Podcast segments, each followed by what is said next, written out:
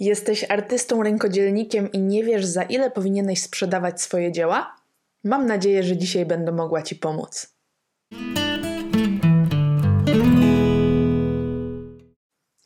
Sprzedawanie rękodzieła to moim zdaniem jedna z najtrudniejszych branży i też rękodzieło to moim zdaniem jedno z najtrudniejszych produktów do wycenienia. Dzieje się tak z kilku powodów. Po pierwsze, mamy tu ogromny związek emocjonalny z własnymi dziełami, więc trudno nam je obiektywnie wycenić i stwierdzić, czy ktoś będzie chciał je kupić. Z drugiej strony jest problem ze skalowaniem biznesu, ponieważ każda rzecz wymaga ogromnego nakładu czasu i pracy.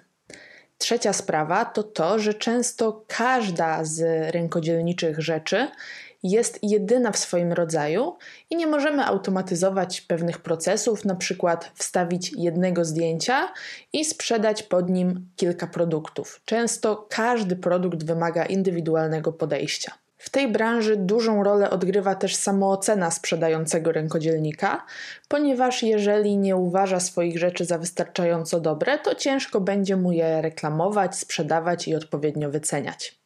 Co powinniśmy wziąć pod uwagę sprzedając rękodzieło? Po pierwsze, materiały, które używamy do tego rękodzieła. Materiały mogą być różne. Mogą być to tkaniny, może być to włóczka, sznurek. Czasem będą to dary natury, jakieś patyczki, kamyczki.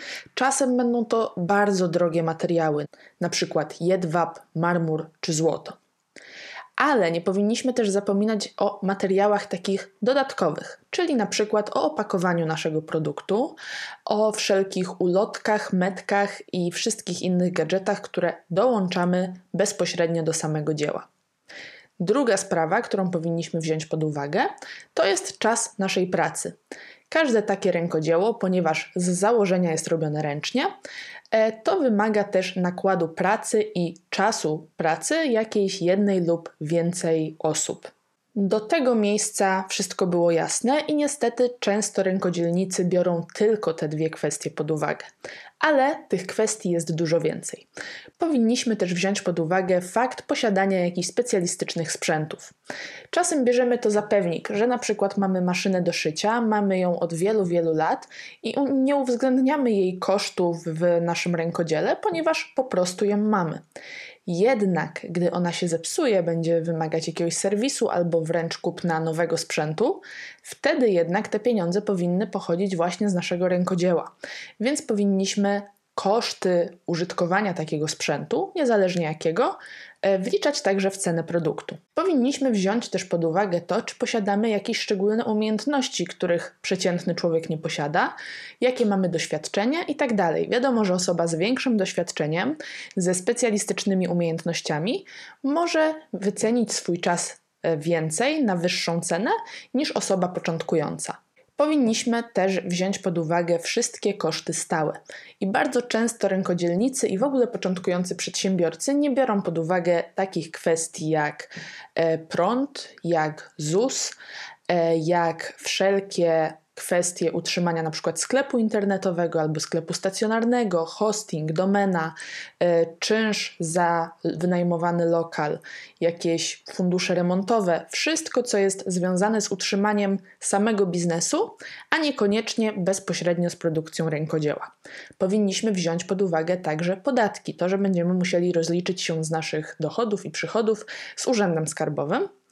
E, I powinniśmy także pamiętać o tym, że nasze dochody w naszej firmie, w naszym biznesie rękodzielniczym powinny pozwolić nam się rozwijać, czyli na przykład inwestować w jakieś nowe materiały, nowy sprzęt, pozwolić nam zachować pewne oszczędności na czarną godzinę, e, czy na przykład móc wydawać jakąś kwotę pieniędzy co miesiąc na marketing, na reklamę. Więc te wszystkie kwestie będziemy chcieli wziąć pod uwagę, wyceniając każdy pojedynczy produkt. No i przejdźmy do clue tematu, czyli jak wycenić rękodzieło.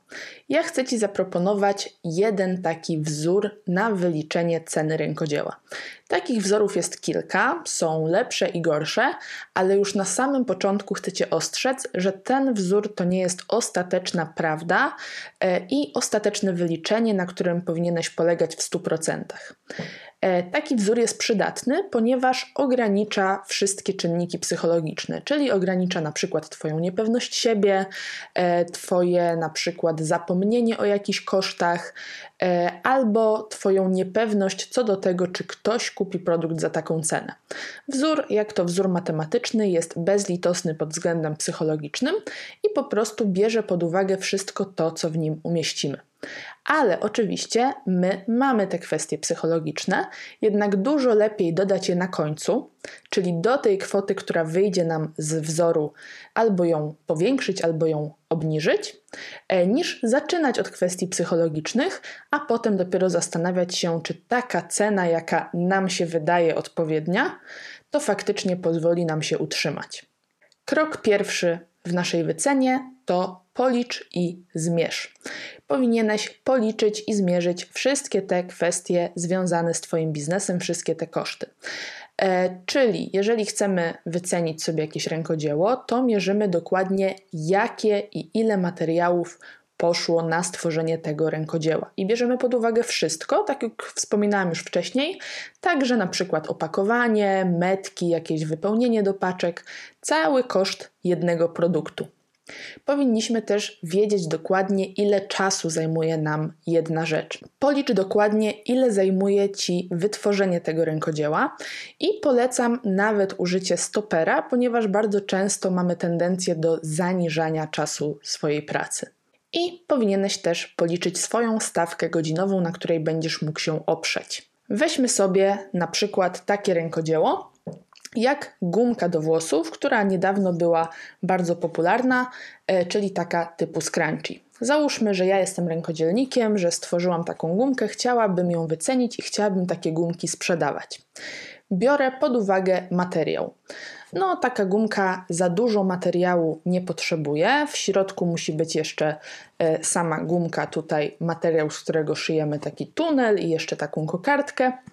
E, zakładając, że to jest jakaś zwykła bawełna, że nie jest to ani jedwab, ani żaden taki drogi materiał, to można powiedzieć, że taka koszt materiału na tą gumkę to jest 2 zł. Myślę, że jest to, e, może być to adekwatna kwota. Ile czasu zajmuje mi uszycie takiej gumki? Jeżeli jestem wprawioną krawcową i szyję takie gumki hurtowo, czyli wycinam kilka gumek, potem je wszystkie zszywam, przeprasowuję, robię zdjęcia, to taka jedna gumka to może być 10 minut. Załóżmy. Oczywiście to wszystko są tylko przykładowe obliczenia.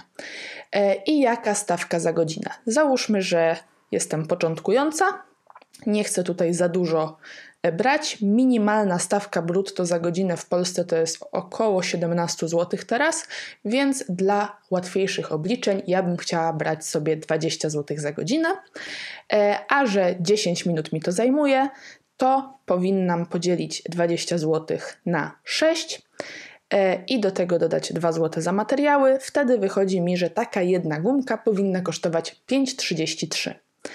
I tutaj mamy moment na zatrzymanie, ponieważ niestety właśnie wielu rękodzielników na tym etapie się zatrzymuje. Dodaje koszty materiałów, dodaje swoją robociznę i mówią: No dobra, no to teraz będę sprzedawać te gumki za 5, może 6 zł.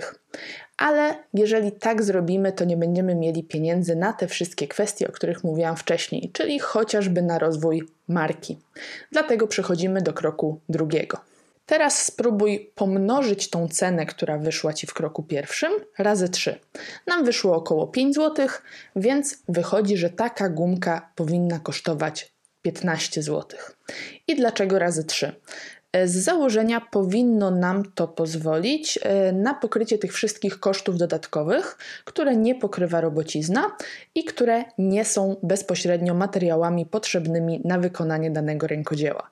Oczywiście 3 to jest taka orientacyjna liczba, dlatego mówiłam Ci, że ten wzór nie jest takim ostatecznym, jedynym wyznacznikiem, ale żeby było Cię stać na te wszystkie koszty dodatkowe, to powinieneś tak to mniej więcej liczyć razy 2,5, razy 3 e, tą cenę robocizny i materiału. Ale na tym się nie zatrzymujemy, bo musimy jeszcze zapłacić podatek.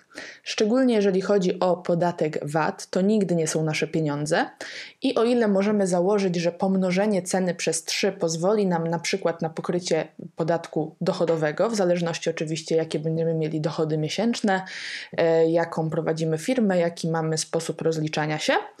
E, ale jeżeli chodzi o VAT, to zawsze polecam, żeby dodać go na końcu, bo tak naprawdę to są tylko pieniądze, które przetrzymujemy i po prostu musimy je w całości oddać urzędowi skarbowemu.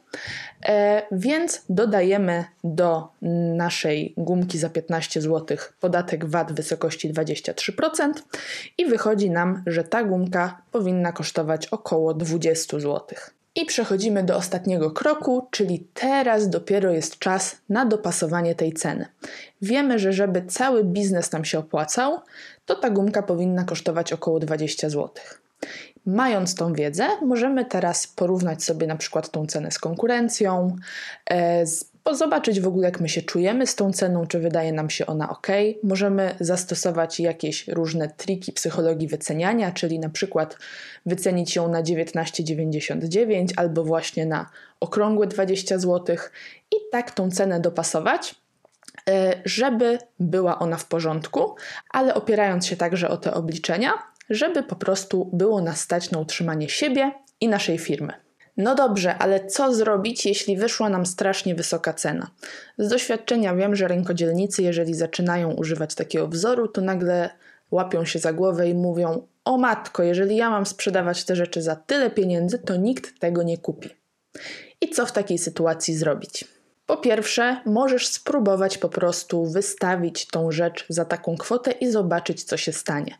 Bardzo często nasze wątpliwości wynikają po prostu z niepewności siebie, z jakichś wątpliwości co do własnych umiejętności, e, a tak naprawdę to rynek ostatecznie ocenia, czy ta rzecz jest tyle warta, czy nie. Jeżeli więc e, masz wrażenie, że Twoje wątpliwości mogą wynikać z czynników psychologicznych, to warto spróbować się przemóc, ponieważ zawsze ostatecznie lepiej obniżyć cenę e, niż wycenić produkt za nisko i potem próbować tą cenę podnosić. Drugi sposób jest taki, że możesz próbować ciąć koszty.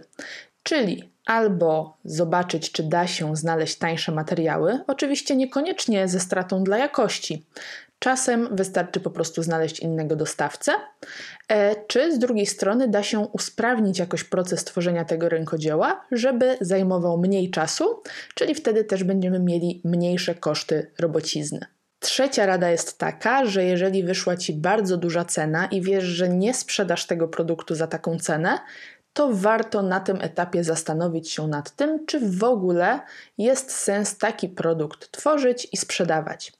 Być może po prostu jest to nieopłacalny pomysł i warto byłoby go jakoś zmodyfikować albo zastanowić się w ogóle nad jakimś innym pomysłem, innym rękodziełem, które będzie również piękne i przyjemne w tworzeniu, ale także opłacalne dla biznesu.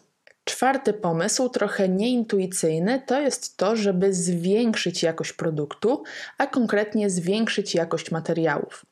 Chodzi o to, że niektóre rzeczy są tak samo długo się robi powiedzmy z bawełny, jak i z jedwabiu, albo tak samo długo robi się kolczyki z stali chirurgicznej, a ze złota, ale jeżeli mamy biżuterię ze złota albo jakiś produkt z jedwabiu, to łatwiej uzasadnić jego wysoką cenę niż na przykład produkt z plastiku albo ze zwykłej bawełny. Możesz więc zwiększyć ogólną jakość Twoich produktów, pozycjonować je bardziej na produkty premium i dzięki temu mieć też ogólnie wyższy poziom cen. I piąty pomysł to zainwestuj w marketing. Bardzo często kwestia tego, że ktoś nie kupi od nas produktu po takiej cenie, wynika z braku zaufania do marki i z braku zrozumienia, skąd ta cena się wzięła. Obu tym rzeczom możemy zaradzić poprzez odpowiedni marketing, poprzez edukację klienta, poprzez informowanie o tym, jakie dobre cechy mają nasze produkty, a dzięki temu e, ten produkt i jego cena staną się bardziej uzasadnione i pożądane w głowie klienta. To już wszystko, co przygotowałam dla Was w tym odcinku. Mam nadzieję, że kwestie, które dzisiaj poruszyłam, były dla Ciebie przydatne. Jeżeli tak, to będzie mi bardzo miło, jeżeli zostawisz komentarz. Polecam też klikać subskrypcję i dzwoneczek. Dziękuję za uwagę i do zobaczenia za tydzień.